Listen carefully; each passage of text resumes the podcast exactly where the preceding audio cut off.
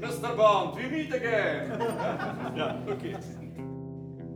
Witamy w kolejnym odcinku James Bond Team. Tym razem dalej kontynuujemy skład Przemek Bartnik, jamesbond.com.pl I Marcin Todera, jamesbond.org.pl A dzisiejszym tematem będzie 22 część, czyli Quantum of Solace. Kontynuujemy omawianie ery Craiga.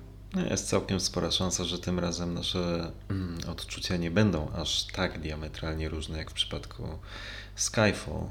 Jakie było Twoje pierwsze odczucie po wyjściu z kina? Pamiętasz Twoją pierwszą reakcję? Tak, zdecydowanie pamiętam i wydaje mi się, że y, moja pierwsza reakcja pokrywała się chyba ze zdaniem większości ludzi. To był zawód. O, Pierwsza w historii bezpośrednia kontynuacja Jamesa Bonda. Wielka nowość dla, dla fanów serii. Natomiast oczekiwania po doskonałym Casino Royale były olbrzymie i nie wiem, czy jest grono osób, które uważa Quantum za lepszy film niż, niż Casino, więc pewnym stopniu wydaje mi się, że pod tym względem jako, jako kontynuację ten film odrobinę y, zawiódł oczekiwania, które były niesamowicie wygórowane po doskonałym starcie serii Craiga.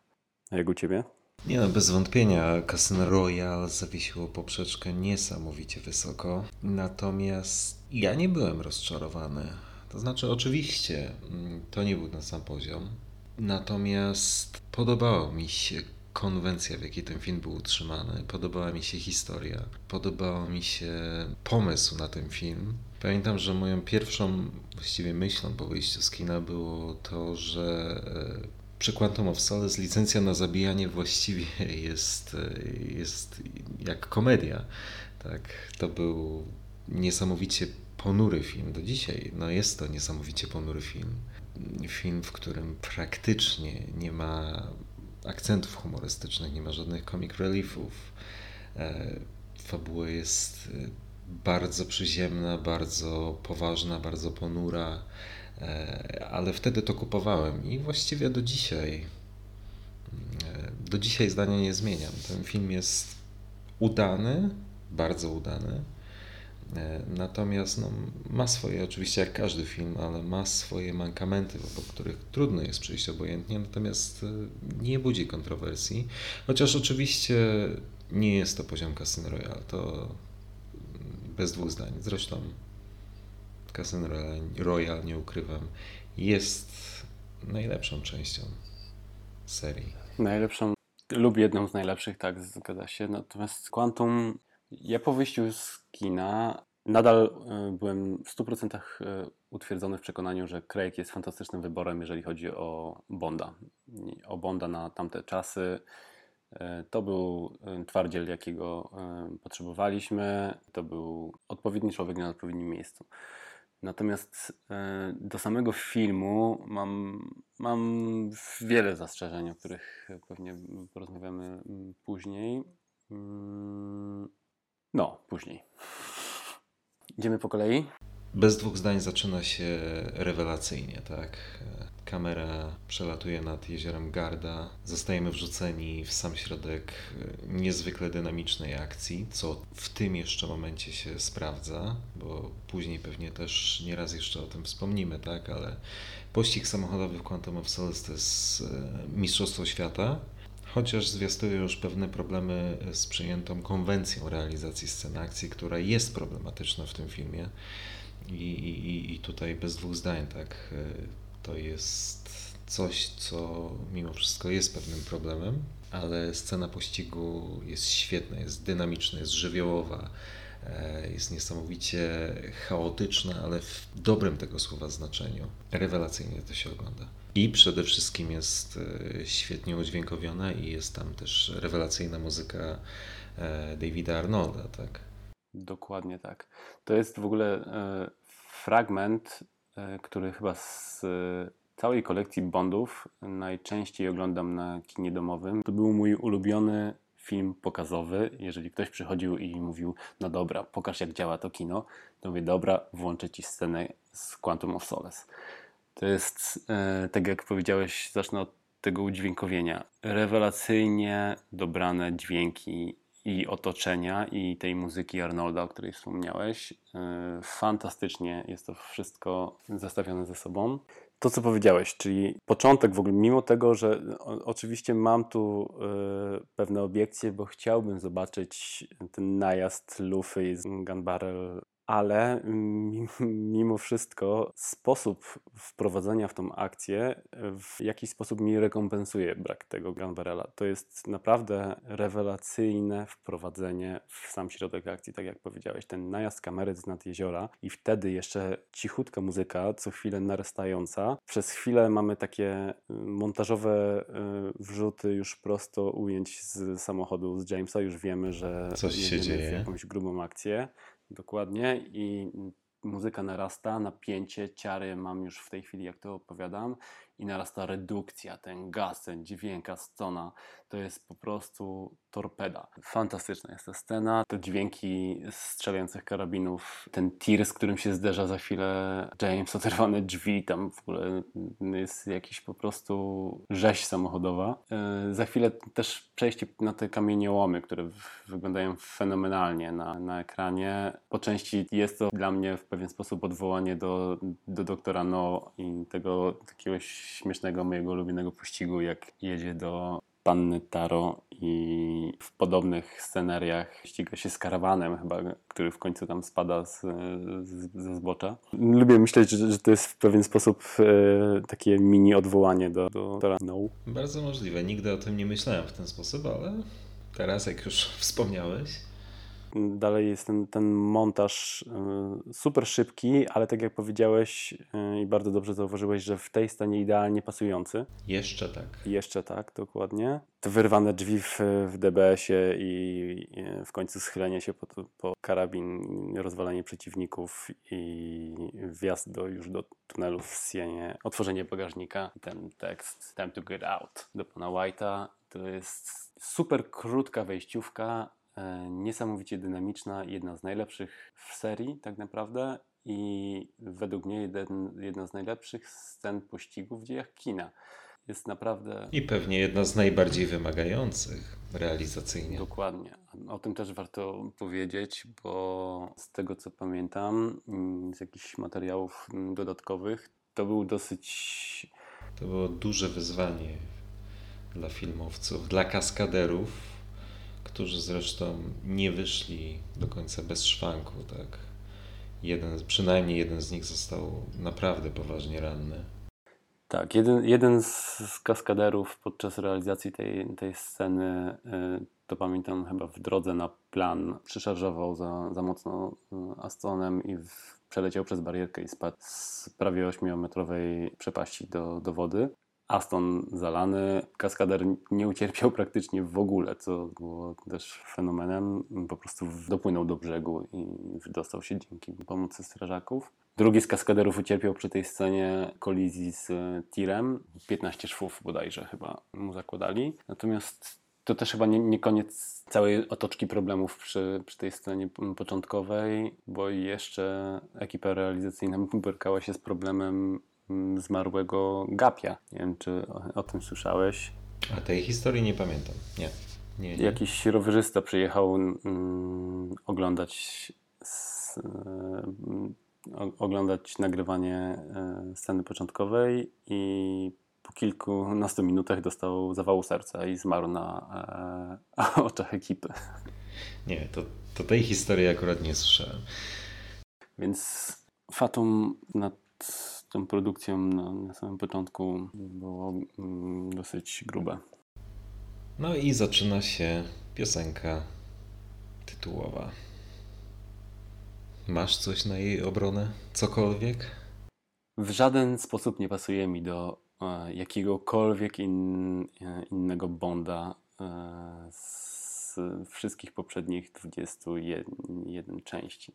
Natomiast sama w sobie, samą w sobie tą piosenkę w miarę lubię. Lubię Alicia Keys, lubię Jacka White'a, ostre rockowe brzmienie, teoretycznie pasujące do filmu, z samego w sobie, w sensie do Quantum of Solace, natomiast w żaden sposób nie pasujące do Bonda, więc pod tym względem wydaje mi się to olbrzymią pomyłką. Ale tak jak mówię, samą piosenkę w miarę lubię. Gdybym mm, nie wiedział, że to do Bonda, to trafiłbym ją chyba jeszcze bardziej.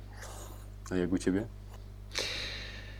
Tak, nie, ja nie rozumiałem, czym kierowali się twórcy, dając zielone światło na taką kompozycję, tak e, niebondowską. Okej, okay, eksperymenty jasne, ale to, to była przesada. To była przesada 12 lat temu, to jest przesada dziś. Nie mogę się do niej przekonać. Nie, nie. To raczej jedna z, ze słabszych, jeśli nie najsłabsza kompozycja otwierająca film o Jamesie Bondzie. I jesteśmy w Sienie. Jesteśmy w Sienie, gdzie przesłuchiwany jest e, pan White. No i wskakujemy do kolejnej sceny akcji i tutaj zaczynają się już schody, tu już zaczynają się pewne problemy. Po pierwsze, można odnieść wrażenie, że Quantum of Solace polega na przeskakiwaniu ze sceny akcji do sceny akcji. E, I w zasadzie taki schemat towarzyszy nam przez cały seans. No a po drugie, tu już daje o sobie znać e, na swój sposób zmora tamtych lat, bo to nie jest oczywiście tylko Quantum of Solace. E, maniera kręcenia z ręki i tego dynamiczcznego montażu, przesadnie dynamicznego montażu była w pewnym sensie już e, znana w kinie i wniesiona przede wszystkim przez Borna chyba. Przez Borna, dokładnie, tak, tak więc... E, Tylko w Bornie we, według mnie jeszcze to, to grało i nie było aż takiego wielkiego przesadyzmu i mimo wszystko to kręcenie z ręki samo w sobie, ja nawet lubię, ale e, ilość cięć tak. montażowych. Tak. Wszystko musi mieć swoje granice w e, trylogii Borna, zwłaszcza w tożsamości Borna. E, było to robione mimo wszystko z większym wyczuciem.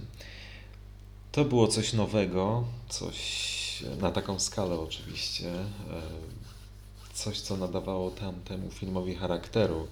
Natomiast w Quantum of Solace jakkolwiek nie bronić tego filmu, mimo wszystko, jeśli chodzi o sposób filmowania, e, to, to, to jest to chyba pierwsze wrażenie właśnie jest takie, że to jest kalka, już nawet nie kopia, kalka e, trylogii Borna. Tak, tak. W ogóle e, tego, co pamiętam, to tam jeden z montażystów, to był ten sam facet, który uczestniczył w e, produkcjach właśnie Borna, przynajmniej w Krucjacie z tego, z tego co pamiętam, e, więc oni zdecydowanie inspirowali się serią o, o, o Bornie, która była ewidentnie w tamtych latach na topie, e, więc jak najbardziej rozumiem ten krok, natomiast wykonanie tego w, w Quantum razem z tym okropnym montażem, którego je, je, nie jestem w stanie znieść, niestety e, odniosło e, fatalny skutek. No, dla mnie te sceny akcji w Quantum ogląda się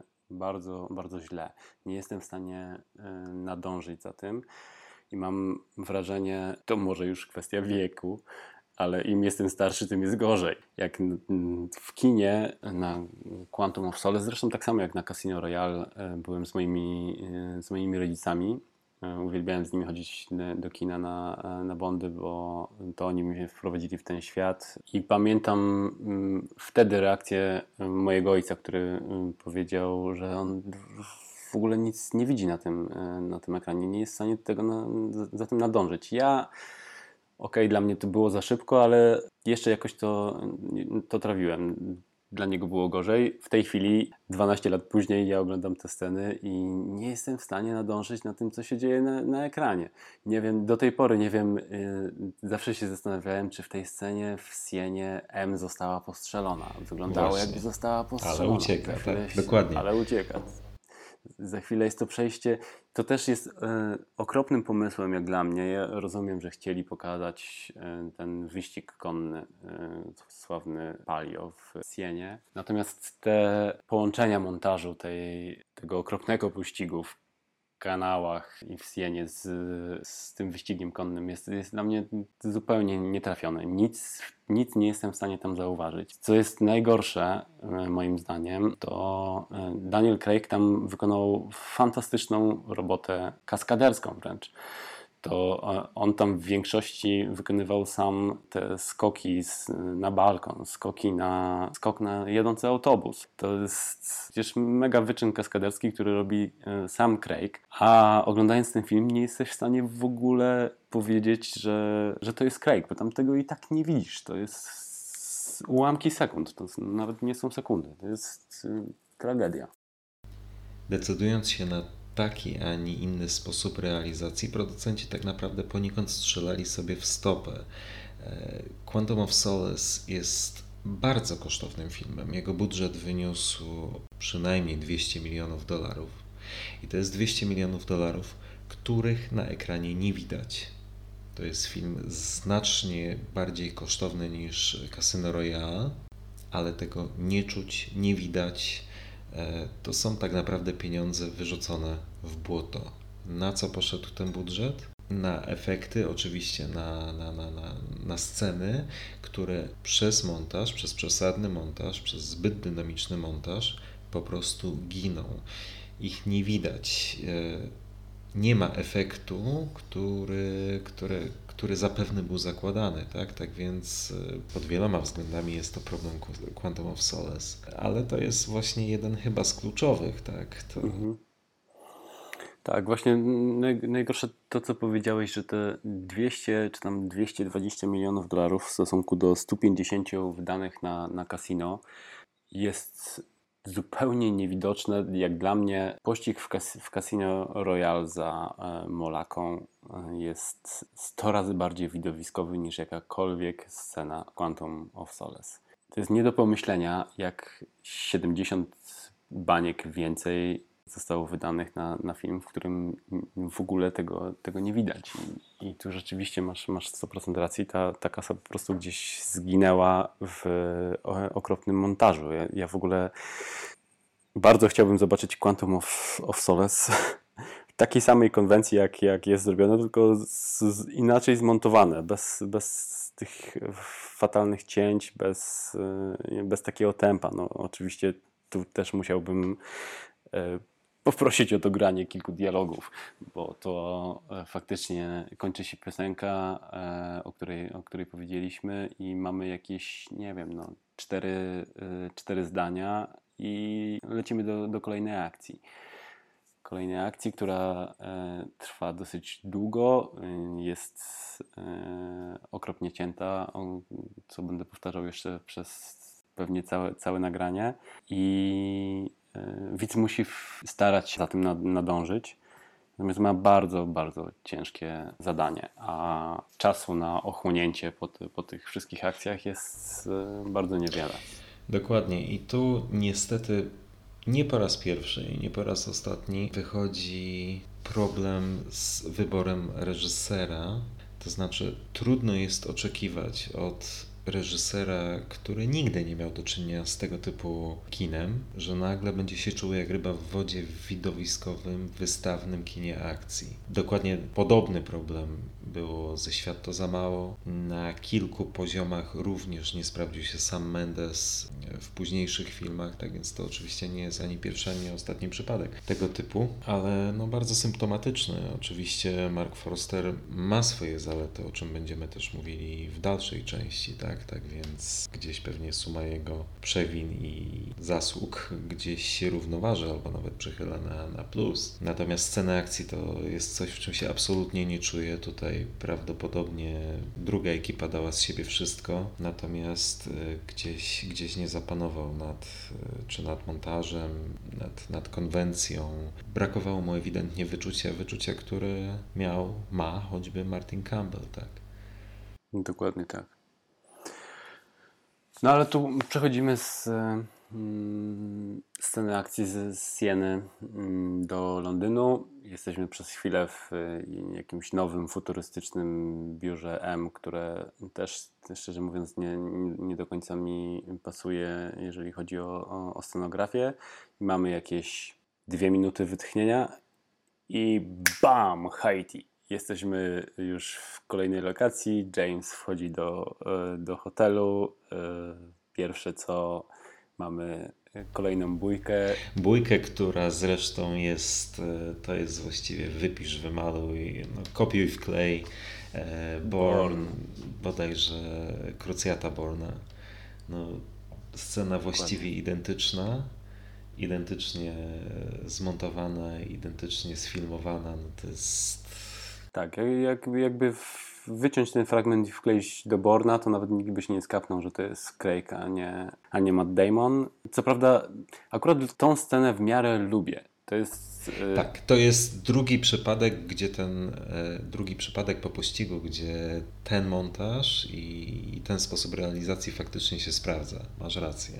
Jest szybko, jest y, dynamicznie, ale to jest szybka, krótka walka, wbicie y, noża w tętnicę bodajże. I bardzo lubię to spojrzenie y, Craiga. Dokładnie. Rozgląda się, czy ktoś, czy są tak. świadkowie. I takie. Ten niuans to jest mistrzostwo. Fakt. Tak. To lubię tą brutalność tego nieokrzesanego, mszczącego się agenta to jest ok, to jest ok. Natomiast e, idziemy dalej. Scena nie, nie trwała za, za długo. E, wchodzimy do, do recepcji. Craig odbiera walizkę i wychodzi przed, przed, hotel, przed hotel i podjeżdża Fortka. I służymy dla mnie okropne, nie mogę tego znieść. Gerin, Gerin. Ja nie jestem zbyt wielkim fanem e, Olgi Kuryjenko, jest dla mnie, szczególnie w tym filmie, brzmi w większości dialogów strasznie e, sztucznie. Ta postać mi zupełnie nie pasuje, jej, jej sposób dialogów. Nie no, okej, okay, dobra. Nie pasuje ci Olga. Mi wręcz przeciwnie, ale co powiesz o samej postaci Kamil, abstrahując od, e, od, od, od aktorki? Kamil jest trafioną postacią do Quantum of Solace. Jest idealnie dobrana, dobrana do, do samego Jamesa, stanu psychicznego, w którym jest James. To też jest dziewczyna, która pragnie zemsty, tak samo jak James. Przeżywa traumę, o czym powiemy później. Bardzo mi się podoba relacja jej z Jamesem. To, że to, to nie jest typowa, nadal to nie jest typowa dziewczyna Jamesa wśród filmów z Craigiem. Jak, jako samo postać Camille jest naprawdę trafionym charakterem, jeżeli chodzi o Quantum of Solace, natomiast coś mi w niej po prostu nie, nie pasuje, także naprawdę nie przepadam za nią. Wiem, że mnóstwo fanów lubi e, Olgę Kurnienko i za urodę, i za sposób gry, który no, nie, nie, jest logiczny. No, to nie jest Monika Bellucci wy, wypowiadająca okropne, okropnie sztuczne zdania w spektrze, którą tak naprawdę e, pod względem aktorskim bardzo szanuję za inne filmy typu Mal Albo inne produkcje, natomiast w Spectre była tragiczna. Olgi Korlienko w Quantum of Solace jakoś nie mogę przeboleć. A jak u Ciebie? Ja akurat uważam, że Olga świetnie odegrała postać, którą jej napisano. E, bo Kamil to jest jedna z lepiej napisanych postaci w serii i jedna z lepiej napisanych postaci kobiecych w serii przede wszystkim. Olga ma co grać i uważam, że akurat y, wszystkie problemy, które trapią tę postać, odegrała bardzo fajnie, abstrahując być może faktycznie od tego, że jej akcent, y, powiedzmy, jest tak przesadnie charakterystyczny. Natomiast Sama postać Kamil, tak jak słusznie zauważyłeś, bardzo dobrze wpisuje się w tę historię, bardzo dobrze się wpisuje w te konwencje. Niby jest to oczywiste, ale mimo wszystko warto podkreślić, że twórcy w tej części nie zdecydowali się na typową postać kobiety Bonda, która prędzej czy później jednak. E, ląduje w łóżku Jamesa. Ląduje, tak, lądują razem w łóżku. E, Słyszę anielski śpiew. Dokładnie i jest tradycyjny O. James. E, tutaj tego nie ma, bo nie miałoby to racji bytu, tak? Mimo wszystko to jest sequel, to jest kontynuacja historii z Casino Royale. Trauma po utracie Vesper, no mimo wszystko cały czas jest e, w bądzie żywa.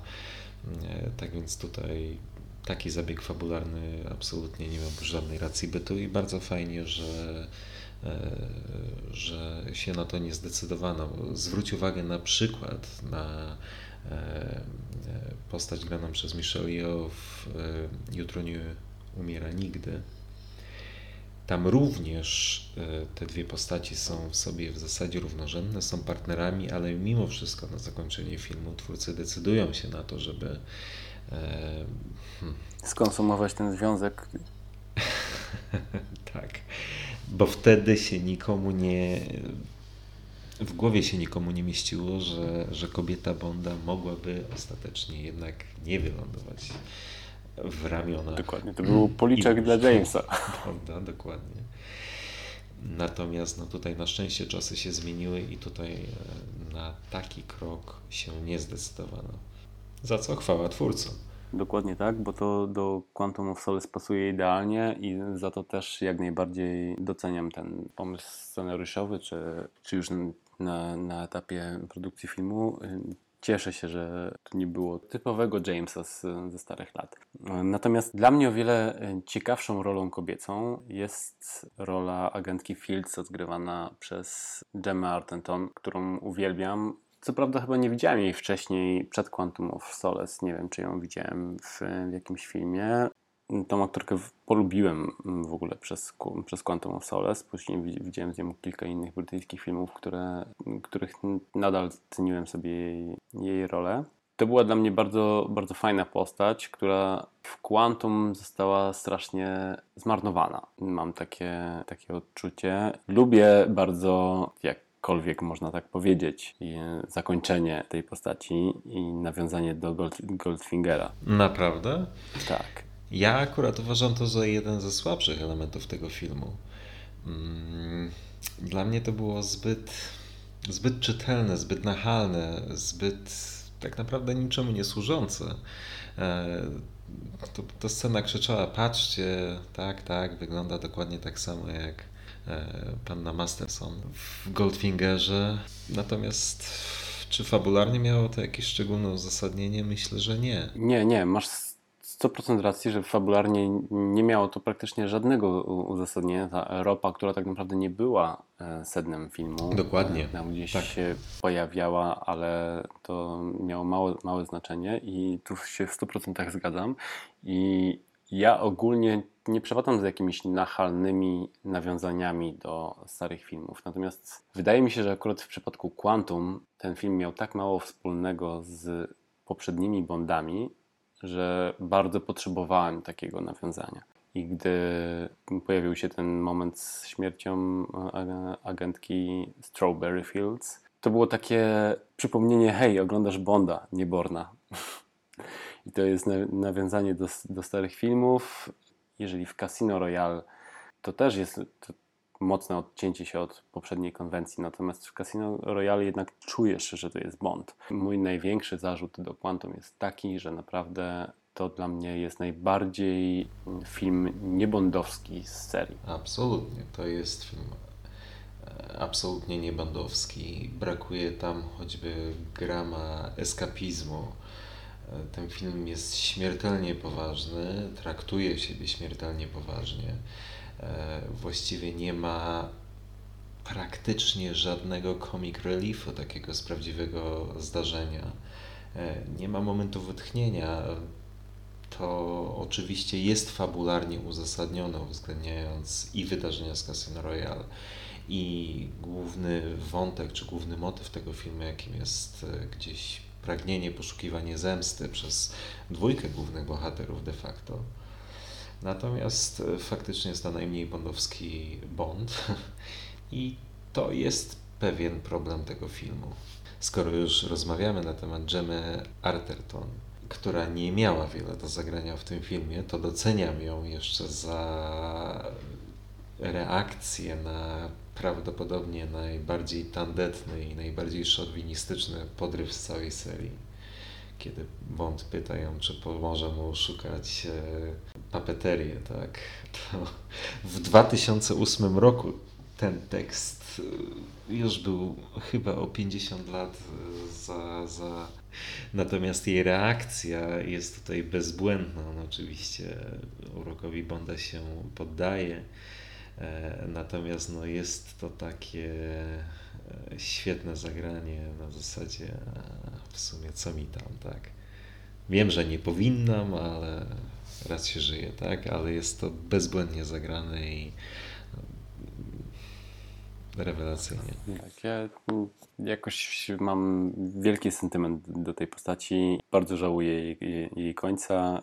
To była e, taka jedyna chyba pozytywna i wno, wnosząca trochę odrobinę radości w ten ponury film. A to prawda, to prawda, tak.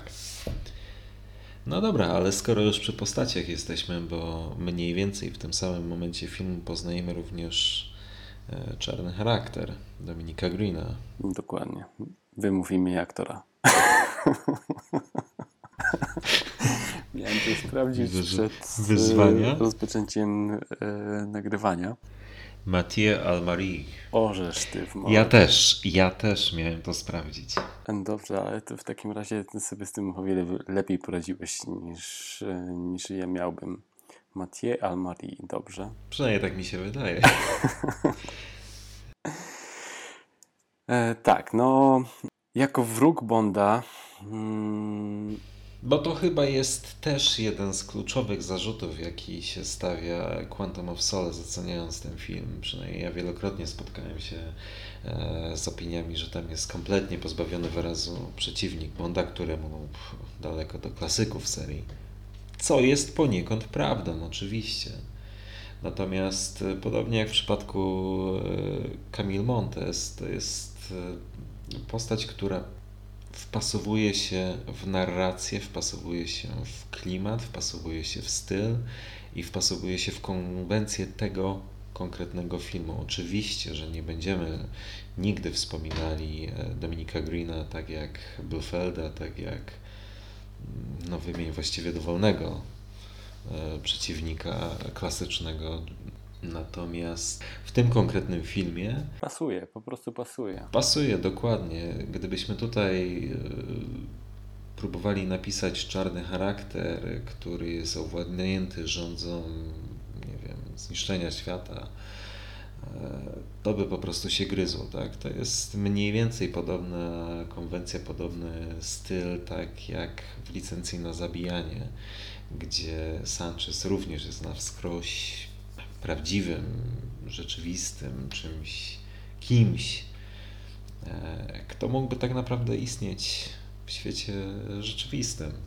Tak, ja, ja nie mam za wiele do zarzucenia temu aktorowi. On dobrze odegrał tą rolę. Strzelam, że po prostu zrobił swoje czytając scenariusz. W 100% się z Tobą zgadzam, że tutaj nie zagrałoby nic innego. Tego filmu nie uratowałby jakiś arcywróg, jakiś dobry, dobry przeciwnik Bonda. To, to nie jest ten, ten poziom filmu i to nie jest ten, przede wszystkim ten poziom historii. Nie przepadam za tą rolą. Nie mam jej też za wiele do zarzucenia. Jest dla mnie zupełnie neutralny. Okej, jest to jakiś tam wróg Bonda, który był w e, Quantum of Solace. Nie zapamiętam go chyba z niczego szczególnego, poza może jękami podczas rzucania się z siekierą na Jamesa w os- ostatniej scenie, które de facto fajnie, fajnie wyszły, ale nie jest to w żaden sposób postać charakterystyczna, do czego nas przyzwyczaili mocno wrogowie Bonda i za co uwielbiamy wrogów Bonda. Więc tutaj jest to rzeczywiście poniekąd minus, mimo, mimo tego, że swoją grą nie, w żaden sposób nie, nie zaszkodził filmowi, natomiast nie zapisał się niczym charakterystycznym e, w serii i dlatego pewnie będzie wśród wrogów zapomniany. Podobnie jak jego pomocnik i henchman, który Elvis. Dokładnie, których w Bondach, w serii o, Bon- o o Bondzie tak samo główny wróg, arcywróg, jakiś przebiegły umysł mający na celu panowanie nad światem zawsze ma charakterystycznego pomocnika. I w przypadku Quantum of Solace podobnie pod względem wyglądu ewidentnie jest tutaj charakterystyczny pomocnik. Elvis, tak jak powiedziałeś. Ale Elvis jest tutaj naprawdę Jest nieporozumieniem. Nazywajmy rzeczy po imieniu. z wielkim nieporozumieniem, niewykorzystaniem tej postaci. Yy, Co prawda, ja jestem w stanie sobie wyobrazić w jakiś sposób fajne wykorzystanie tej postaci. On, ten gość, jego fryzura e, charakterystyczna, która mm, jest chyba jedynym elementem, w który jesteś w stanie e, zapamiętać tą postać poza imieniem Elvis. Chociaż i tak mało osób pewnie wie, że, że ma tak na imię. Natomiast jest, jest zupełnie niewykorzystaną, pominiętą postacią, która w filmie jedyne co robi to jest odczytanie wi- wizytówki i zadzwonienie pod numer do Universal Export, dzięki któremu wiemy kogo, kogo namierzać. A druga to upadek ze schodów i kontuzja karku, którą w późniejszych scenach widzimy e, w postaci jakiegoś kołnierza nałożonego na, na szyję i to, to tyle. Tyle zagrał Elvis. Nie, absolutnie tej postaci wybronić się w żaden sposób nie da, na żadnym poziomie i e, właściwie można tylko w głowę zachodzić, co twórcy mieli na myśli, czy twórcy scenariusza, czy reżyser, bo właściwie trudno powiedzieć, czy e, kto tutaj jest bardziej odpowiedzialny za tak nijaką postać, która tak naprawdę mogłoby nie być w tym filmie i film ani o jotę by się nie zmienił. Nic by nie stracił. Nic by nie stracił. To, to faktycznie zostanie chyba już na zawsze zagadką, jedną z większych w tej serii. Tak, Omówiliśmy sobie Kamil, omówiliśmy e, Dominika Greena przez chwilę, e, pewnie jeszcze do niego wrócimy i Elvisa. I jesteśmy w scenie w porcie tak naprawdę, w którym mamy konfrontację Kamil z, z Dominikiem. Pojawia się kolejna złowieszcza m, postać, e, generał Madrano, o ile dobrze pamiętam. I oczywiście mm, małe wytchnienie pomiędzy dwójką w pokoju hotelowym ze Slate'em i za chwilę mamy scenę pościgu na wodzie tym razem.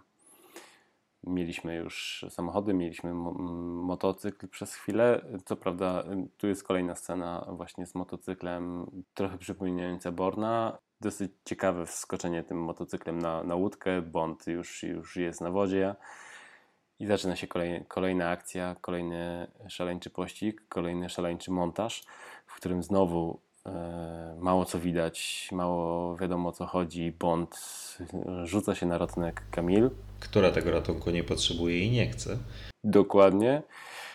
I e, już pomijając montaż i e, znowu sceny, w których e, mało co widać, mało wiadomo o co chodzi, w każdym razie Bond rzuca kotwicę e, na koniec jakiegoś tam pościgu z motorówkami, który już jest dla mnie mm, trochę męczący. Ta scena wybija widza z rytmu i równie dobrze film mógłby się bez niej obyć. Ale e, Bondowi oczywiście się udaje, ratuje Kamil po to, żeby wyjść na brzeg i oddać ją pierwszemu lepszemu napotkanemu gościowi na, na molo i mówi zaopiekuj się nią i wsiada do samochodu i odjeżdża.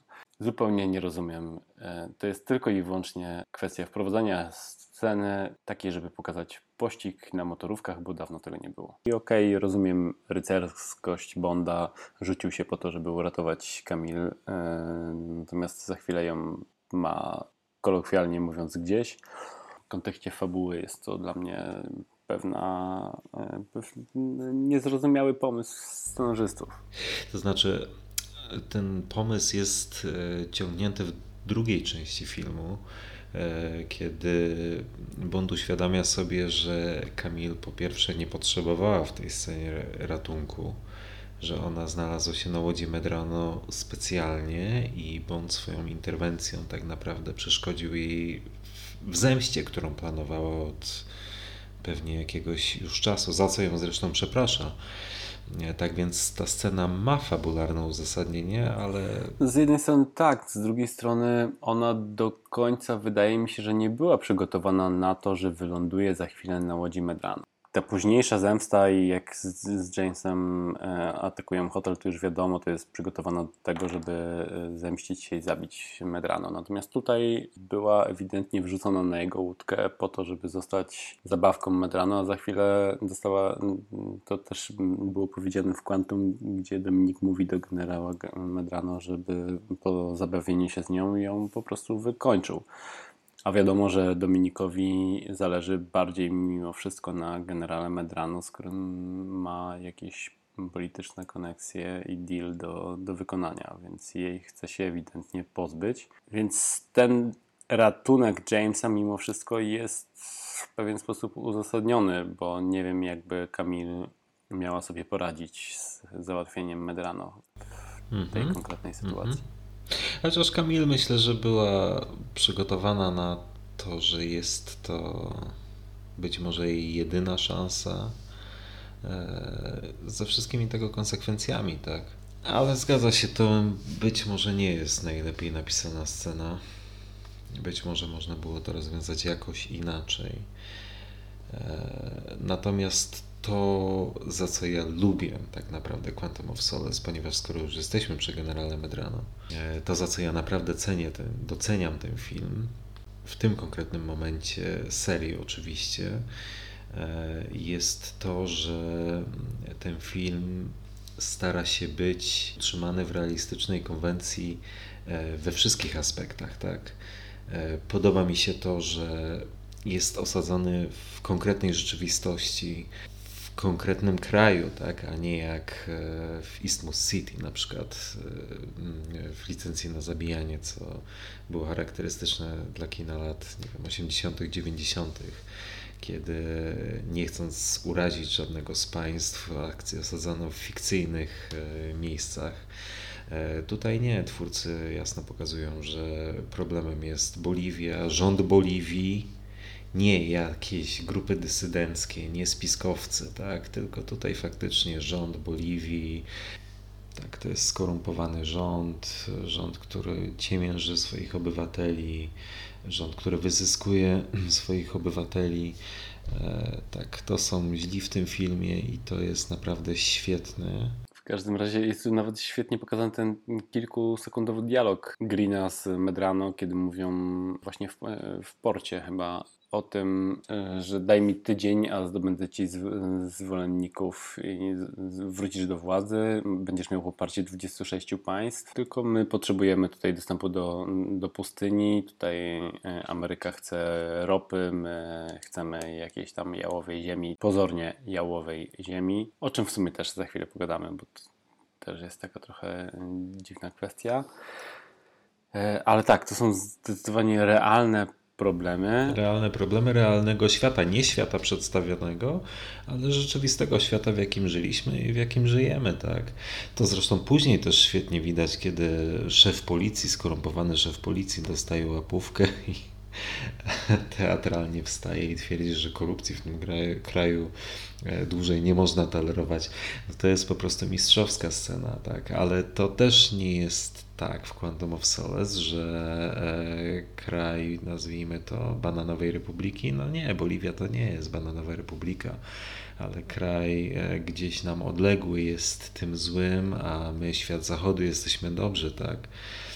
Tego typu scen mamy więcej, kiedy M rozmawia z ministrem spraw zagranicznych, który uświadamia, że jeśli nie będziemy robili jeśli nie będziemy robili interesów z tymi e, złymi, to w zasadzie nie będziemy mieli z kim robić interesów.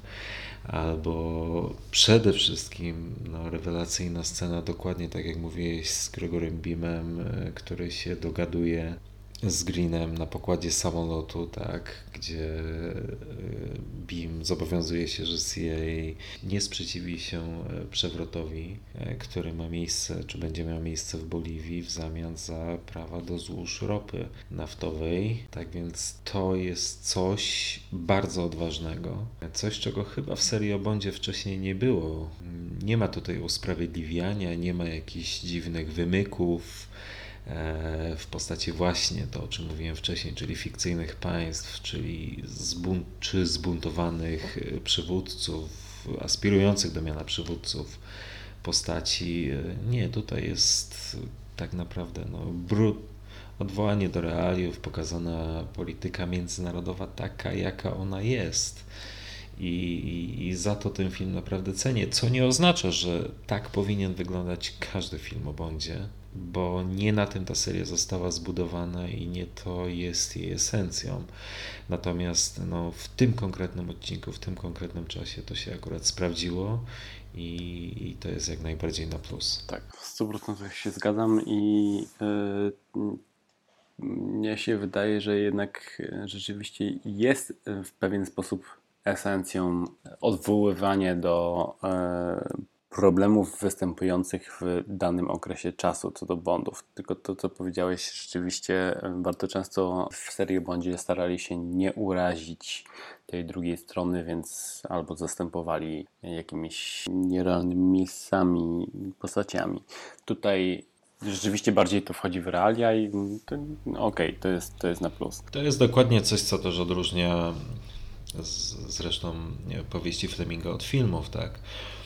O ile Fleming jasno pokazywał, e, że głównym wrogiem Bonda jest e, Smersh, czyli agenda radzieckiego kontrwywiadu.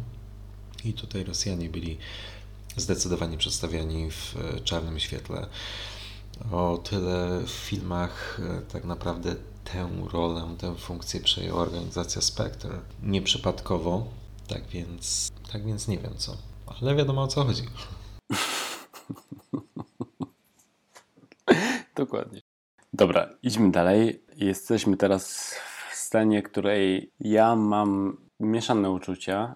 Z jednej strony jest fenomenalnie zrealizowana, Mówię tutaj oczywiście o scenie w operze w Austrii, w Bregencji. I to jest popis, ewidentny popis reżysera. Ja powiem więcej. E, do czasu sceny w Szanghaju w Skyfall, czyli to, o czym mówiliśmy w ostatnim odcinku, absolutnej magii kina, e, uważam, że to była, do tego momentu to była naj, najbardziej liryczna, najlepsza e, artystycznie scena w całej serii.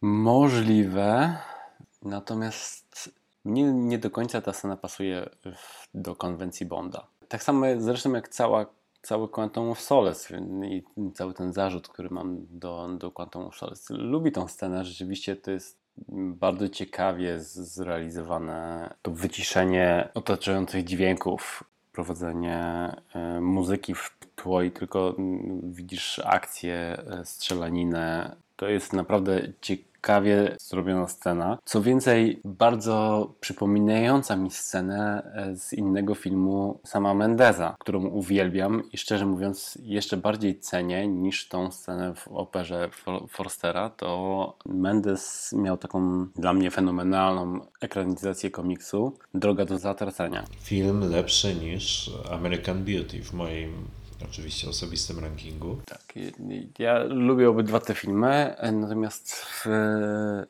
w drodze do zatracenia była rzeczywiście, wydaje mi się, że pierwszy raz taka scena, przynajmniej pierwszy raz w kinie, którą ja widziałem, scena strzelaniny mocno wyniesiona na poziom artystyczny. Także był wyciszony mm -hmm. całkowicie dźwięk samych e, strzałów, akcji. Tam było widać tylko deszcz, super ujęcie kamery, rewelacyjna scena i bardzo, ale to bardzo przypomina mi tą sekwencję z, z, z opery e, Forstera. Podoba mi się sama w sobie, natomiast nie jestem w stanie ją w żaden sposób wkomponować w konwencję filmów o Bondzie i nie do końca mi ona do tego pasuje.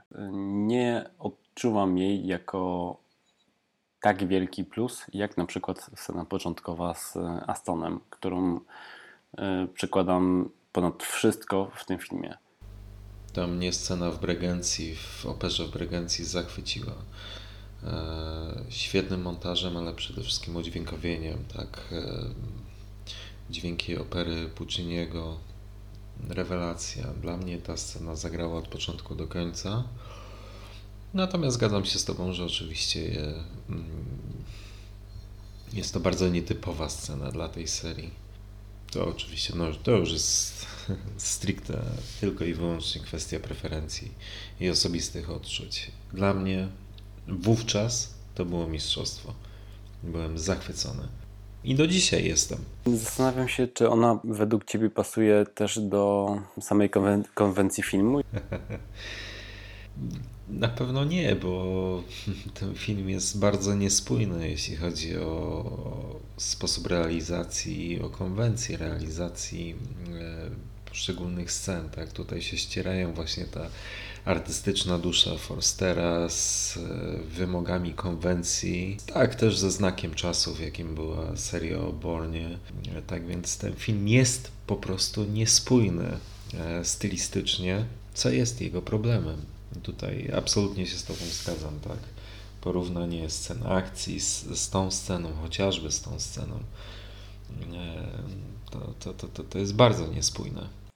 Trochę mnie y, śmieszy ta, e, ten taki odwrót konwencji mm, co do mnie i ciebie w stosunku do Skyfall, a w stosunku do Quantum, kiedy ja w Skyfall e, w żaden sposób nie jestem w stanie zwrócić uwagi na jakieś błędy fabularne e, i kompletnie bronię się od tego, jestem zauroczony kwestią wizualną i tutaj przechodzimy do, e, do Quantum, gdzie jest zupełnie odwrotnie, gdzie ty widzisz Quantum trochę tak jak ja Skyfall. To jest, to jest bardzo fajne, fajne doświadczenie. Chociaż e, tutaj no mimo wszystko warto podkreślić to, że moim głównym zarzutem do Skyfall była mimo wszystko kwestia scenariusza i fabuły, przede wszystkim fabuły. Natomiast e, cokolwiek o Quantum of Solace nie powiedzieć, fabuła tego filmu jest solidna. Jest dość prosta, bez, e, nie jest szczególnie wymyślna ale trudno zarzucić temu filmowi jakieś szczególne braki, jeśli chodzi o ciąg przyczynowo-skutkowy. Mhm. Z jednej strony tak, ale co do fabularnych kwestii też mam e, kilka zastrzeżeń, które nie do końca mi pasują i które, na które nie zwracam uwagi w innych filmach, a w przypadku Quantum tak. Choćby z tym ratunkiem Camille, to jest jedna scena, druga. Mnie chyba najbardziej nie pasuje kwestia porozumienia bądź jego brak e, Jamesa z e, M. W Quantum to się strasznie rozmija. Tu jest raz mm, zwierzchniczka, która strasznie ufa swojemu agentowi, raz, która blokuje mu karty i mówi mylę się w stosunku do ludzi i to jest mój błąd, za chwilę znowu to jest mój agent, ja mu ufam. Cały czas się to jakoś tak waha i nie do końca jest to dla mnie spójne i zrozumiałe. No jasne, bo on tutaj oczywiście pada ofiarą tego, o czym mówiliśmy wcześniej, czyli tego realizmu rzeczywistości polityki międzynarodowej, tak? Ma powstrzymać Bonda, czy musi powstrzymać Bonda, ale wcale tego nie chce. Natomiast e, to jest oczywiście tłumaczenie, aczkolwiek e, no, trzeba też pamiętać, bo zgadzam się z Tobą, w tym filmie są pewne luki scenariuszowe. Ten film ma problemy choćby już w samej warstwie, warstwie e, dialogowej, gdzie niektóre dialogi są, no, dajmy, powiedzmy szczerze, e, nieco czerstwe, a wynika to też z tego, że pamiętajmy w jakich warunkach ten film był mm, kręcony, tak? W zasadzie scenariusz niegotowy, został oddany parę godzin przed rozpoczęciem strajku scenarzystów. Tak naprawdę Forster z Craigiem przepisywali część scen w trakcie kręcenia filmu, bo nie wolno mi było oczywiście zmieniać całego scenariusza, ale mogli pracować nad poszczególnymi scenami. Tak więc no to też nie były normalnie warunki, w jakich zwyczajowo się hollywoodzkie blockbustery i to absolutnie jest zauważalne w samym filmie. Również przy poszczególnych rozwiązaniach fabularnych i również w niektórych dialogach. No tutaj brakuje niestety tego szlifu scenariusza, którego po prostu już nikt się wówczas podjąć nie mógł, oficjalnie przynajmniej. Zresztą sam Craig wspomina, źle wspomina pracę nad filmem, bo no, musiał pisać czy przepisywać scenariusz, a nie jest scenarzystą, co było dla niego mimo wszystko udręką, tak? Ale to, to widać, e, to słychać i to czuć w tym scenariuszu, że no, zabrakło tutaj czasu na, na, na, na jego doszlifowanie, tak więc pod tym względem się akurat z Tobą zgadzam w 100%. Okej, okay. Mm, wróćmy do postaci, bo wspomniałeś postać Bima. To jest fajna postać, którą tak naprawdę przy ostatnim, czy tam kilka miesięcy temu, jak powtarzałem Quantum of Solace, dopiero skapnąłem się, że to jest Sheriff Hooper z, z Stranger Things, co nie. I jak umieściłeś to na Facebooku, to dopiero mi się zapaliła lampka, tak więc dzięki bardzo. Spoko. Natomiast e, najlepsze jest to, że on w ogóle nie potrzebował zbyt dużej charakteryzacji, żeby ich e, skojarzyć ze sobą, nie? Aczkolwiek człowiek chyba po Stranger Things przynajmniej w moim przypadku ja- jakoś e, nie wracałem zbyt często do tej sceny w Quantum Solace i zupełnie nie skojarzyłem, że to, że to jest on. A w Stranger Things e, to jest postać tak charakterystyczna i tak lubiana, że w momencie, kiedy wracasz do Quantum of Solace to, i widzisz go, to mówisz, kurde, on tu, tam się w ogóle kompletnie nie różni od szeryfa Hoopera. Jest, może ma mniejszy zarost, ma, nie ma brody, tylko ma wąsy, ale to jest nadal szeryf Hooper, nie? I, Dokładnie. Ale dopiero ty mi to uświadomiłeś, nie ukrywam, przyznaję bez bicia. To, to jest jedno, natomiast druga sprawa to Jeffrey Wright, Felix Leiter, którego ja szczerze mówiąc uwielbiam. Uwielbiam jego postać. Już w Casino Royale polubiłem Jeffrey'a Wrighta jako, e, jako Felixa. Tak samo w Quantum to jest dla mnie postać, która rozjaśnia dla mnie ten film. Bardzo lubię jego mimikę, jego, jego nawet taką przesadną, mocno przesadną mimikę w Quantum, kiedy stara się w jakikolwiek sposób kryć y, Jamesa. Oczywiście mu to y, nie wychodzi, bo Greg Beam go szybko przedstawia Dominikowi Gr- Greenowi, że to jest agent z brytyjskiego wywiadu, a, a ta, ta, ta mina Jeffreya, który jest mocno zdegustowany tym, że tutaj chcą zdemaskować jego, jego kumpla i jego kumpel jest zagrożony. Bardzo lubię Felixa Leitera w wykonaniu e, Wrighta w tej, w tej scenie i nie tylko w tej scenie, tylko w tej późniejszej. Tak samo kiedy się spotyka z Jamesem. To jest dla mnie mega pozytyw tego, tego filmu i tym bardziej cieszę się z powrotu e, Jeffrey'a Wrighta w No Time to Die po nieobecności w Spectre i Skyfall. Absolutnie się z Tobą zgadzam. Jeffrey Wright jest obsadowym strzałem w dziesiątkę. Pomimo tego, że nie mógłby chyba już się bardziej różnić od postaci, którą wykreował Fleming. E, U Fleminga Leiter był jowialnym, pełnym ekspresji, humoru, teksańczykiem. Natomiast no tutaj jest mimo wszystko raczej mrukiem. Tak więc to są dwa różne światy, ale, ale w jego interpretacji Felix Leiter absolutnie kupuje w 100%. Jest jeszcze jedna ważna postać, oczywiście e, Fleminga, która e, w tym filmie się pojawia i która była do czasu Casino Royale oczywiście kompletnie marginalizowana, czy właściwie nie, nie, nie, nie uświadczyliśmy jej w filmach, to jest René Mati. No i właśnie. Hmm.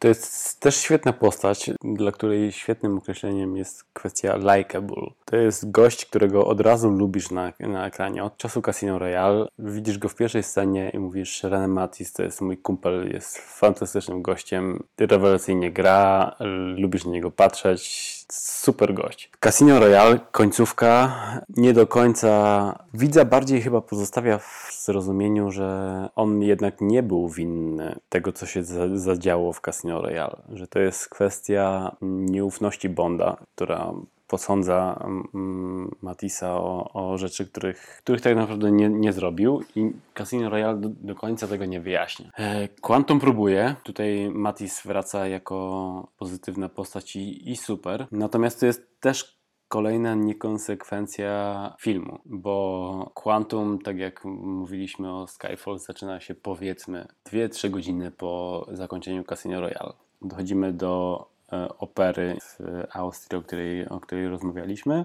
Bond zostaje mocno przystopowany przez MI6 i jego zwierzchniczka M blokuje mu karty, wszelkie jakieś możliwe dostępy, nie możesz nigdzie wyjeżdżać. Bond i tak oczywiście na lotnisku sobie radzi swoim urokiem, mówiąc do pani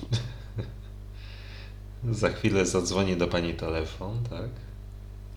Czy może pani powiedzieć, że poleciałem, Poleciałem do Kairu. Dokładnie. Więc oczywiście swoim urokiem osobistym e, załatwia sobie e, fałszywy trop. E, mimo wszystko za chwilę z Austrii znajdując się w, we Włoszech i ląduje w rezydencji Matisa, którą jest willa w Toskanii, którą ma po dwóch trzech godzinach od y, zakończenia Ca- Casino Royale i rozumiem tutaj, poczekaj, rozumiem, że kwestia dorwania pana White'a mogła trwać więcej czasu w samym Casino Royale niż zamknięcia Matisa. Natomiast mimo wszystko wydaje się to trochę y, jakoś tak na siłę sklejone, że tu już wygląda jakby Matis na emeryturze osiadł w mm, podziękowaniu za nietrafioną złą ocenę współpracy z Le Chiffrem. Więc tutaj masz w nagrodę willę w Toskanii, żyj sobie bezpiecznie i... Ale mimo wszystko wygląda jakby minęło, nie wiem, tam z 10 lat em- emerytury Matisa, a nie kilka godzin, miesięcy. E, no i rzeczywiście, tak jak e, wspomniałeś wcześniej, tak jak ciebie wiele rzeczy przy okazji Skyfall nie bolało, które mnie bolały, tak chyba faktycznie coraz bardziej mi uświadamiasz, że, w przypadku Quantum of Solace jest dokładnie odwrotnie. Chociaż ja akurat oglądając Casino Royale jakoś nigdy nie poddawałem wątpliwość tego, że już ten e, finał finału tego filmu, kiedy Bond strzela do pana White'a, dzieje się mimo wszystko w dość odległej perspektywie czasowej i w oderwaniu od reszty fabuły tego filmu. I dlatego ta scena mnie jakoś nigdy szczególnie nie kuła.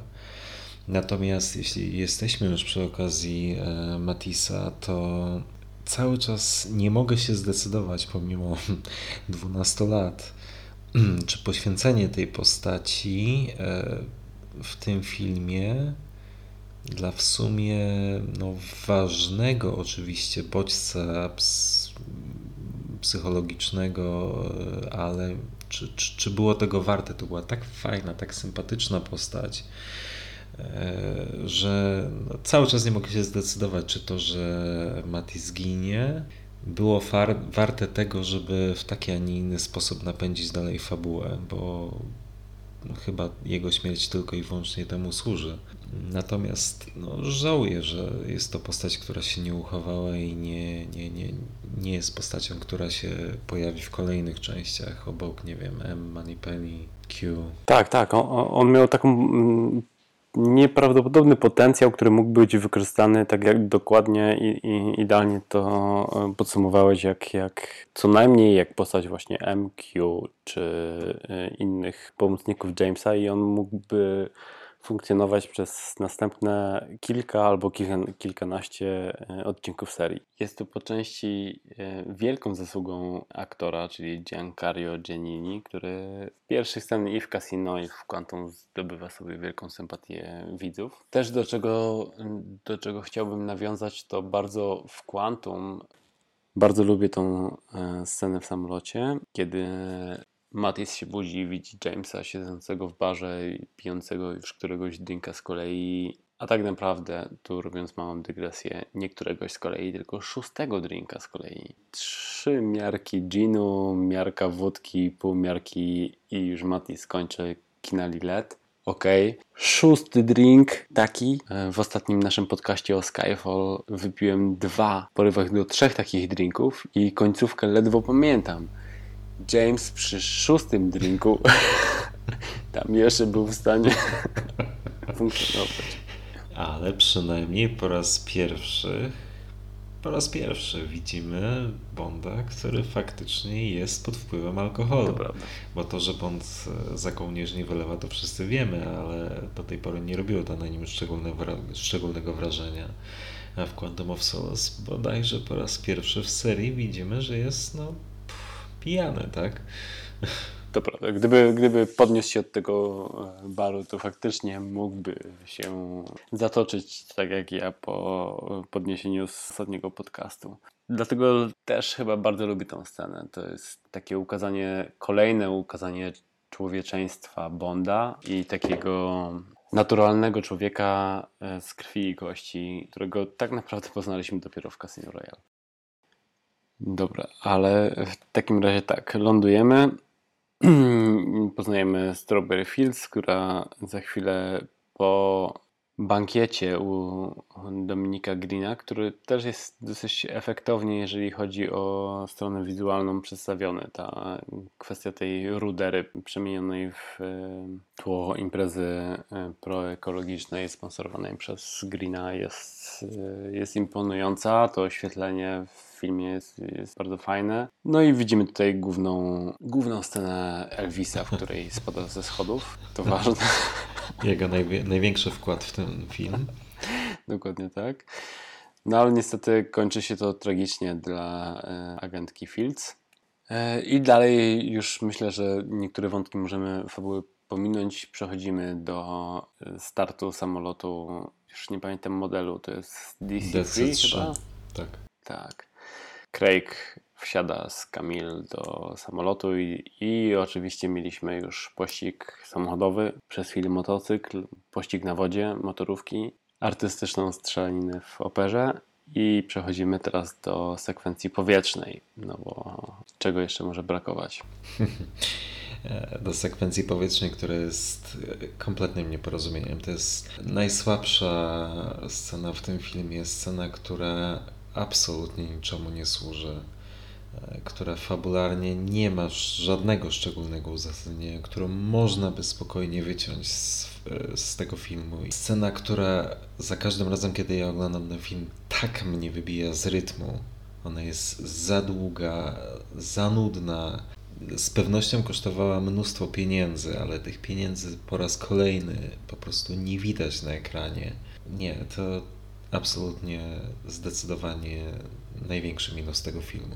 Powiem szczerze, jak oglądam ten film e, na, na, na, na, na Blu-rayu, to zwykle tą scenę po prostu pomijam. Mhm.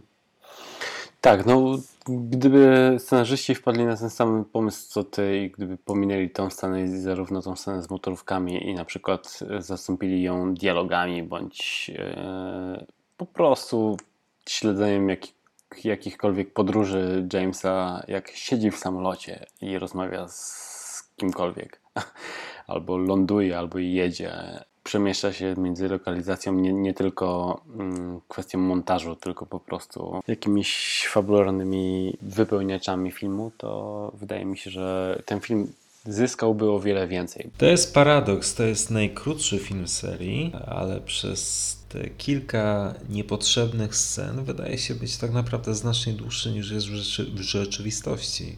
106 minut bodajże, co de facto nie jest mega krótkim e, czasem trwania filmów. E, widziałem mnóstwo filmów 90-minutowych, w których mimo dwóch, trzech scen akcji są o, o wiele bardziej e, zapamiętywalne. To takie typowe akcyjniaki z lat 80., 90., 86-90 minut, tak. Czyli jesteśmy na pojedynku DC-3. Wyskakują z samolotu z Kamil z jednym spadochronem, co po części może przywołać bodajże scenę z Moonrakera. Oczywiście trochę bardziej re realną do pewnego stopnia, bo otwierają ten spadochron na jakieś, nie wiem, 3 sekundy przed lądowaniem. Tu też e, pomimo nierealności tej sceny w kontekście samego Quantum of Solace, które wydaje się starać być bardzo realnym filmem. Tak naprawdę mocnego farta tego, że, że udało im się przeżyć ten, ten skok z, z samolotu. Scena kilka sekund po jest taka, że stoją w jaskini, James Bond trzyma sobie ręce w kieszeni jak gdyby nigdy nic, a Kamil opowiada zupełnie nieroztrzęsiona o jakichś tam kwestiach swoich koneksji właśnie z, z Medrano, czy jakkolwiek, w ogóle nie zwracające uwagi na to, co się właśnie stało. No wiesz, pół żartem, pół serio można powiedzieć, że oczywiście to jest funkcjonariusz wywiadu, tak, a druga to agentka kontrwywiadu, więc teoretycznie powinni być zaprawieni w bojach, no ale oczywiście masz rację, no tutaj prawdopodobnie również wychodzi e, gdzieś ten brak szlifu scenariusza, który jest wynikiem strajku scenarzystów. No, ten scenariusz mimo wszystko był nieskończony, kiedy, kiedy film był kręcony. On nie był profesjonalnie e, doszlifowany tak, jak normalnie powinien być. w normalnych okolicznościach, tak więc no, jakkolwiek utalentowanym scenarzystą nie byłby Forster i, i Craig, to jednak nie są profesjonalistami w tym fachu. Ale to, to, to, to faktycznie jest kolejny przykład na to, gdzie ten scenariusz nie do końca się kleił. Tutaj się akurat z Tobą zgadzam. Tu jeszcze jedna kwestia, która mi bardzo przeszkadza. Tu jest jedna z nielicznych scen w Quantum of Solace, w której nieprawdopodobnie widoczny jest CGI. Na tyle widoczne, że w pewien sposób mi to przeszkadza w kontekście realności poprzednich scen, które są na tyle dobrze nakręcone, gdzie nie widzisz tej sztuczności. Większym problemem dla wielu osób jest to, co ma miejsce później, a mianowicie konkluzja tego, że plan czarnego charakteru sprowadza się do przejęcia kontroli nad zasobami wody, co dla wielu osób jest mimo wszystko problemem, bo wydaje się to być aż zbyt przyziemnym problemem. Jakby nie, nieadekwatnym do filmu o Bondzie. A warto zauważyć, że to poniekąd jest inspirowane e, na prawdziwych wydarzeniach, które miały miejsce e, w Boliwii i wojny o wodę, kiedy to w jednym z miast próbowano sprywatyzować dostawy wody, co wywołało potężne zamieszki. Tak więc to nie jest do końca fabuła wyssana e, z palca, natomiast oczywiście, gdzie mając w pamięci e, próby unicestwienia rasy ludzkiej, tak, mając w pamięci co niektóre plany wcześniejszych przeciwników Bonda, to się wydaje być aż przesadnie przyziemne Natomiast, szczerze mówiąc, to mi akurat nigdy nie przeszkadzało. To, co już wcześniej mówiłem, to się świetnie wpisywało w konwencję tego filmu, w pomysł na ten film i ja nigdy nie miałem z tym szczególnych problemów. Ale idźmy dalej i tu jest scena, którą dosyć lubię. James wraca do hotelu, ma krótką interakcję z M i ucieka agentom poprzez znowu brawurową scenę e, skakania po gzymsach hotelu. Fajna scena. I ona też prowadzi do kolejnej, tak naprawdę chyba pierwszej konfrontacji z Jamesa z Felixem, którą znowu bardzo lubię każdy dialog Jamesa z Felixem, czy to Casino Royale, Royale czy e, Quantum of Solace, Daniel Craig i Jeffrey Wright, ich wspólne sceny na ekranie są naprawdę ozdobą filmów. Tak. tak Świetne. Tak, tak, tak, tak. Dokładnie tak. No i tutaj to James róż dupę Mistrzostwo Świata. Dokładnie. Mhm. Tak, to jest taki fajny, szczery dialog nie, świetnie. To, to, to jest być może najlepiej napisana zresztą scena w tym filmie. Bez dwóch zdań. No i dochodzimy do wielkiego finału. Trzecie akty w filmach o Bondzie często są kręcone według pewnego stałego schematu, tak? Konfrontacje Bonda z przeciwnikami prowadzają się często do infiltracji kryjówki Bonda. Są to powtarzalne schematy które z czasem często e, bywają po prostu najzwyczajniej w świecie nudne. I Quantum of Solace jest w moim przekonaniu chlubnym wyjątkiem. Trzeci akt ja osobiście uważam za absolutnie fenomenalny. E, jest stosunkowo krótki, ale dzięki temu jest zwarty, jest treściwy. Ja osobiście tę ostateczną konfrontację w tym hotelu La Perla de las Dunas po prostu uwielbiam i jest to jeden, jedno z najlepszych zakończeń filmów o Bondzie w całej serii w moim przekonaniu od samego początku, kiedy Bond instruuje Kamil, że ma strzelając, ma wziąć poprawkę na skok adrenaliny, przez fantastyczne rozprawienie się z komendantem policji, kiedy Bond e, chwilę przed tym, kiedy go E, zabija, krzyczy, że zdaje się, że mają wspólnego przyjaciela. Ma oczywiście na myśli e, nieżyjącego Matisa. Nawet konfrontacji z Greenem, który owszem nie jest przeciwnikiem kalibru Bonda, tak, dorastającemu mu do pięt, ale jest to tak fajna, tak treściwa e, końcówka, że ja ją kupuję. Podobała mi się za pierwszym razem, podoba mi się do dzisiaj i tutaj absolutnie nie ma żadnych uwag. To ja z drugiej strony faktycznie nie mam jej nic do zarzucenia. To jest tak, że masz rację, ona jest fajnie rozpisana i rozegrana, także jest tu idealny podział między zemstę Jamesa, zemstę Camille, bo tu Camille też ma swój mocny wątek. Natomiast nie traktuję tej sceny jakoś mocno wyjątkowo, z uwagi na to, że ten film tak pędzi z akcją od samego początku, że już ta końcowa akcja, mimo tego, że jest naprawdę dobra i jest tak naprawdę też o wiele lepiej zmontowana niż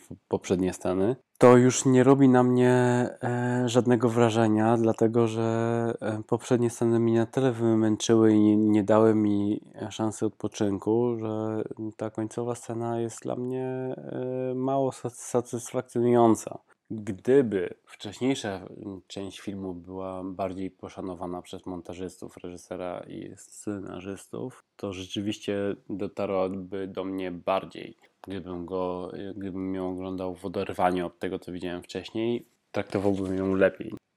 Jest to dla mnie, dla mnie ok, zwieńczenie historii, ale w żaden sposób nie, nie traktuję tego jako jak, jakiegoś super rozwiązania i wyniesienia tego filmu na wyższy poziom bądź myślenia o nim pozytywniej. Ale jest w tym finale jedna scena, która w moim osobistym rankingu jest absolutną perełką. Zwróć uwagę na mm, końcówkę właściwie już tego finału, e, w której Bond i Camille są uwięzieni w płonącym pokoju. Wiemy, że Kamil boi się ognia z racji swoich traumatycznych doświadczeń z przeszłości i Kamil wyraźnie sygnalizuje Bondowi, że nie jest w stanie e, przeskoczyć przez, e, przez ogień, czy przejść przez ogień właśnie z racji swoich fobii i daje Bondowi do zrozumienia, że woli, żeby Bond ją zastrzelił, niż, niż miałaby przez ten ogień się przedrzeć. I zwróć uwagę na, na to, że Bond autentycznie jest gotów spełnić jej życzenie. On odbezpiecza broń, gotów zabić Kamil i w zasadzie zrządzenie losu sprawia, że tego nie robi, no bo pod wpływem ciepła tam w pewnym momencie dostrzega butle z gazem, które pomagają mi się wydostać z hotelu. Natomiast jest w pewnym momencie Bond jest gotów zastrzelić Camille. To jest e, no, taki poziom, powiedziałbym, niespotykany w serii, no, zdecydowanie niespotykany do, do tej pory w serii, gdzie Bond byłby gotów tak daleko posunąć się w swoich działaniach. Ta scena dla mnie jest absolutnym mistrzostwem. To jest e, kolejny pozytyw podcastów, które, które robimy, bo ja naprawdę nigdy w życiu o, tym, o tej scenie i nie zauważyłem tego w ogóle w tej scenie. No, to koniecznie, naprawdę to sobie e, zwróć na to naprawdę uwagę. To jest tak wyraźnie zmontowane, że Kamil mówi mu, tak, jeden strzał, e, niech ma znaczenie, Bond odbezpiecza broń. Wtedy pod wpływem ciepła odpadają jakieś e, elementy ścian, które dzięki którym Bond dostrzega butle z gazem, których wcześniej nie widzi. Tak, tak więc to, że on strzela e, w te butle z gazem i e, w ten sposób się wydostają z hotelu, e, to jest zrządzenie losu, natomiast on odbezpiecza broń po to, żeby faktycznie no, zastrzelić Kamil. To jest rewelacja, to jest bardzo daleko idąca scena, która bardzo wiele mówi o Bondzie i o Camille, ale przede wszystkim o Bondzie. E, scena, która chyba jest niedoceniana, a myślę, że jedna z ważniejszych w serii. Faktycznie mm, dochodzimy już do, do samego końca filmu to wyprowadzenie Dominika Greena na pustynię, zostawienie mu puszki oleju na przetrwanie jest, jest spoko, to mi się bardzo podoba. Przechodzimy do momentu, w którym James żegna się z Camille i to też jest fantastyczne zwieńczenie ich relacji. Nie ma tu żadnego seksualnego napięcia, to jest e, mocne odróżnienie od poprzednich filmów z serii. W kontekście do samego Quantum pasuje to idealnie, do relacji z Camille tak samo, więc jak najbardziej to już poruszyliśmy e, we wcześniejszych minutach podcastu. Jest super Mhm. pasujące do, Mhm. do konwencji. Bond właściwie tutaj oczywiście próbuje e, pocałować Kamilę, ale to nie jest typowy dla Bonda e, romantyczny, może nawet nie romantyczny, tylko bardziej e, mający podtekst seksualny pocałunek. To jest taki akt. I tutaj każdy może oczywiście zinterpretować tę scenę jak chce, tak? Czy to jest akt desperacji, czy jakiś upust emocji, trudno powiedzieć, ale jest to świetna scena. Naprawdę jest to świetna scena, nietypowa, niestandardowa, ale tak jak słusznie wspomniałeś, absolutnie pasująca do konwencji filmu. To nie jest oczywiście koniec filmu, ponieważ mamy jeszcze drugie zakończenie w kazaniu. Tutaj oczywiście nie byłbym sobą, gdybym nie nawiązał do Fleminga, tak? Scena w kazaniu jest e, ewidentnym ukłonem w kierunku Fleminga, konkretnie jego opowiadania 007 w Nowym Jorku. Zresztą opowiadania bardzo nietypowego, merytorycznie stosunkowo prostego, jak na Fleminga, ale w opowiadaniu tym w- Bond ma ostrzec byłą agentkę Secret Service, e, że jej aktualny kochanek jest e, szpiegiem, agen- agentem radzieckiego wywiadu. I to jest ewidentnie nawiązanie do tego opowiadania, co jest fajne. Natomiast no, samo to zakończenie też tak jest trochę, trochę ambiwalentne. Tak? No już nie będę czepiał się tego, że co szef brytyjskiego wywiadu robi w kazaniu. Tak? To jest kolejna niepotrzebna scena, e, jedna z wielu, gdzie, które nie ma tak naprawdę żadnego merytorycznego uzasadnienia. Tak? No, szef wywiadu podąża za Bondem tylko po to, żeby zamienić z nim parę słów. To, to, to jest słabe, to jest słabe. Natomiast no, scena jakby konkluduje, oczywiście wieńczy duologię e, Casino Royale, Quantum of Solace, tak, pokazuje, że Bond e, jest w stanie już nad sobą zapanować, gdzieś e, emocje już nie biorą nad nim góry. To jest ważna oczywiście scena dla rozwoju tej postaci, chociaż no, równie dobrze pewnie mogłoby jej nie być. Cały czas wydaje mi się, że warto mieć w pamięci to, że scenarzyści od samego początku mieli na uwadze to, że chcą przekazać historię, która nie zmieści się w jednej części filmu. I Quantum jak najbardziej wpisuje się w kontynuację opowieści o Vesper.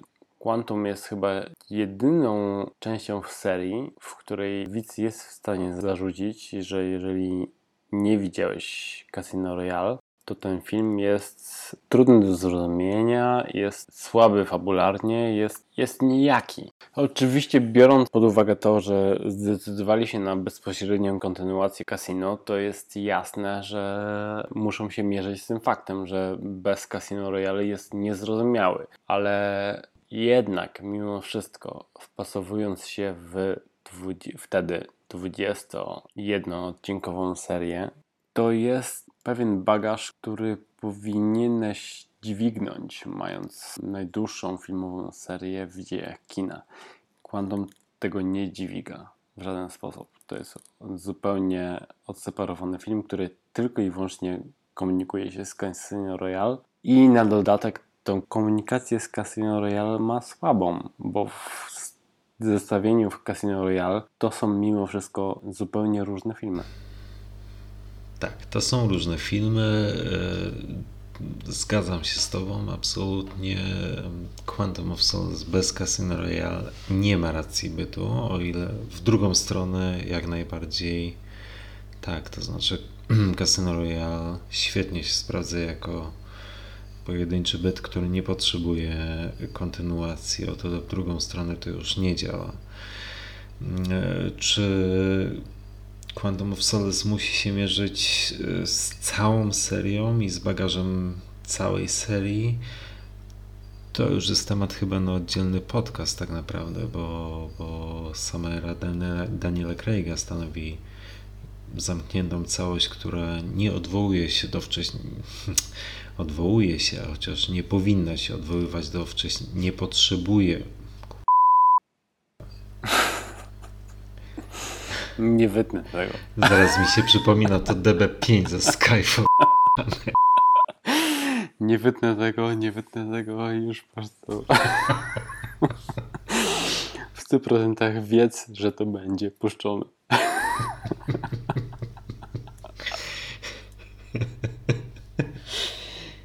E, tak mi dobrze szło. Zgadzam się z tobą. Nie da się tego powtórzyć. Autentycznie, jak zacząłem mówić to głupie zdanie, to mi się przypomniał o tym DB5 ze Skyfall. A propos oderwania od całej serii. Mówiłem, ja mówiłem, że to jest kuźwa bezsensowny pomysł. Dobra. Nie muszę przecież polemizować z każdym zdaniem, które powiedziałeś. Że Quantum of Solace oczywiście nie ma racji bytu bez Casino Royale, natomiast of Solace musi być koniecznie wpisywany w 21 pozostałych odcinków serii? Chyba nie, bo era Daniela Craig'a mimo wszystko stanowi pewną zamkniętą całość i chociaż pewnie to jest temat, który omówimy przy innej okazji, ale tutaj widzisz też bez sensu, na przykład w tym kontekście jest właśnie ta wrzutka z tą ropą, tak, z Gemma Matterton. No nie wiem, no jak dla mnie to było takie, robimy coś zupełnie innego, potem wow, patrzcie, Goldfinger, tak? Zupełnie inna konwencja, zupełnie inny styl. Właśnie dla mnie to nawiązanie było takie, czemu to miało służyć? Tym bardziej, tak jak słusznie zauważyłeś, ropa nie jest głównym leitmotywem fabuły tego filmu. Tak jak było złoto w Goldfingerze skoro już o tym o Quantum of Solace mówimy, to oceniając re- Daniela Craiga, jak plasujesz Quantum of Solace? E, Jak klasuje Quantum of Solace w kontekście ery Craiga? Tych czterech filmów, tak? Czterech Na filmów. którym miejscu? Na ostatnim. Na ostatnim. Quantum of Solace dla mnie nie jest problemem. Dla mnie Quantum of Solace jest, tak jak powiedziałem, na ostatnim miejscu.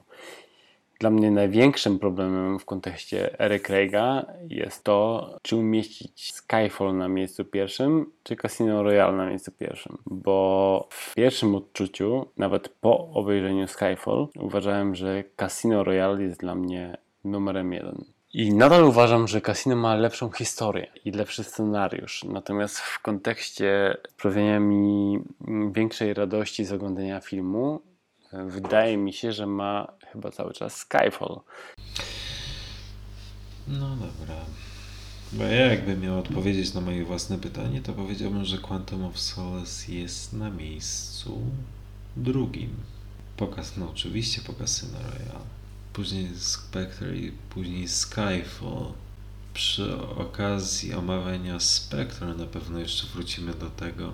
Natomiast Spectre ma zbyt dużo wad takich godzących w fundamenty filmu. Natomiast Quantum of Solace jest filmem zdecydowanie problematycznym i te problemy ja widzę, ale to są problemy takie natury głównie sztuki filmowej, ale rzemieślniczej sztuki filmowej, a nie artystycznej czy koncepcyjnej. Fabularnie, emocjonalnie ten film mi po prostu gra.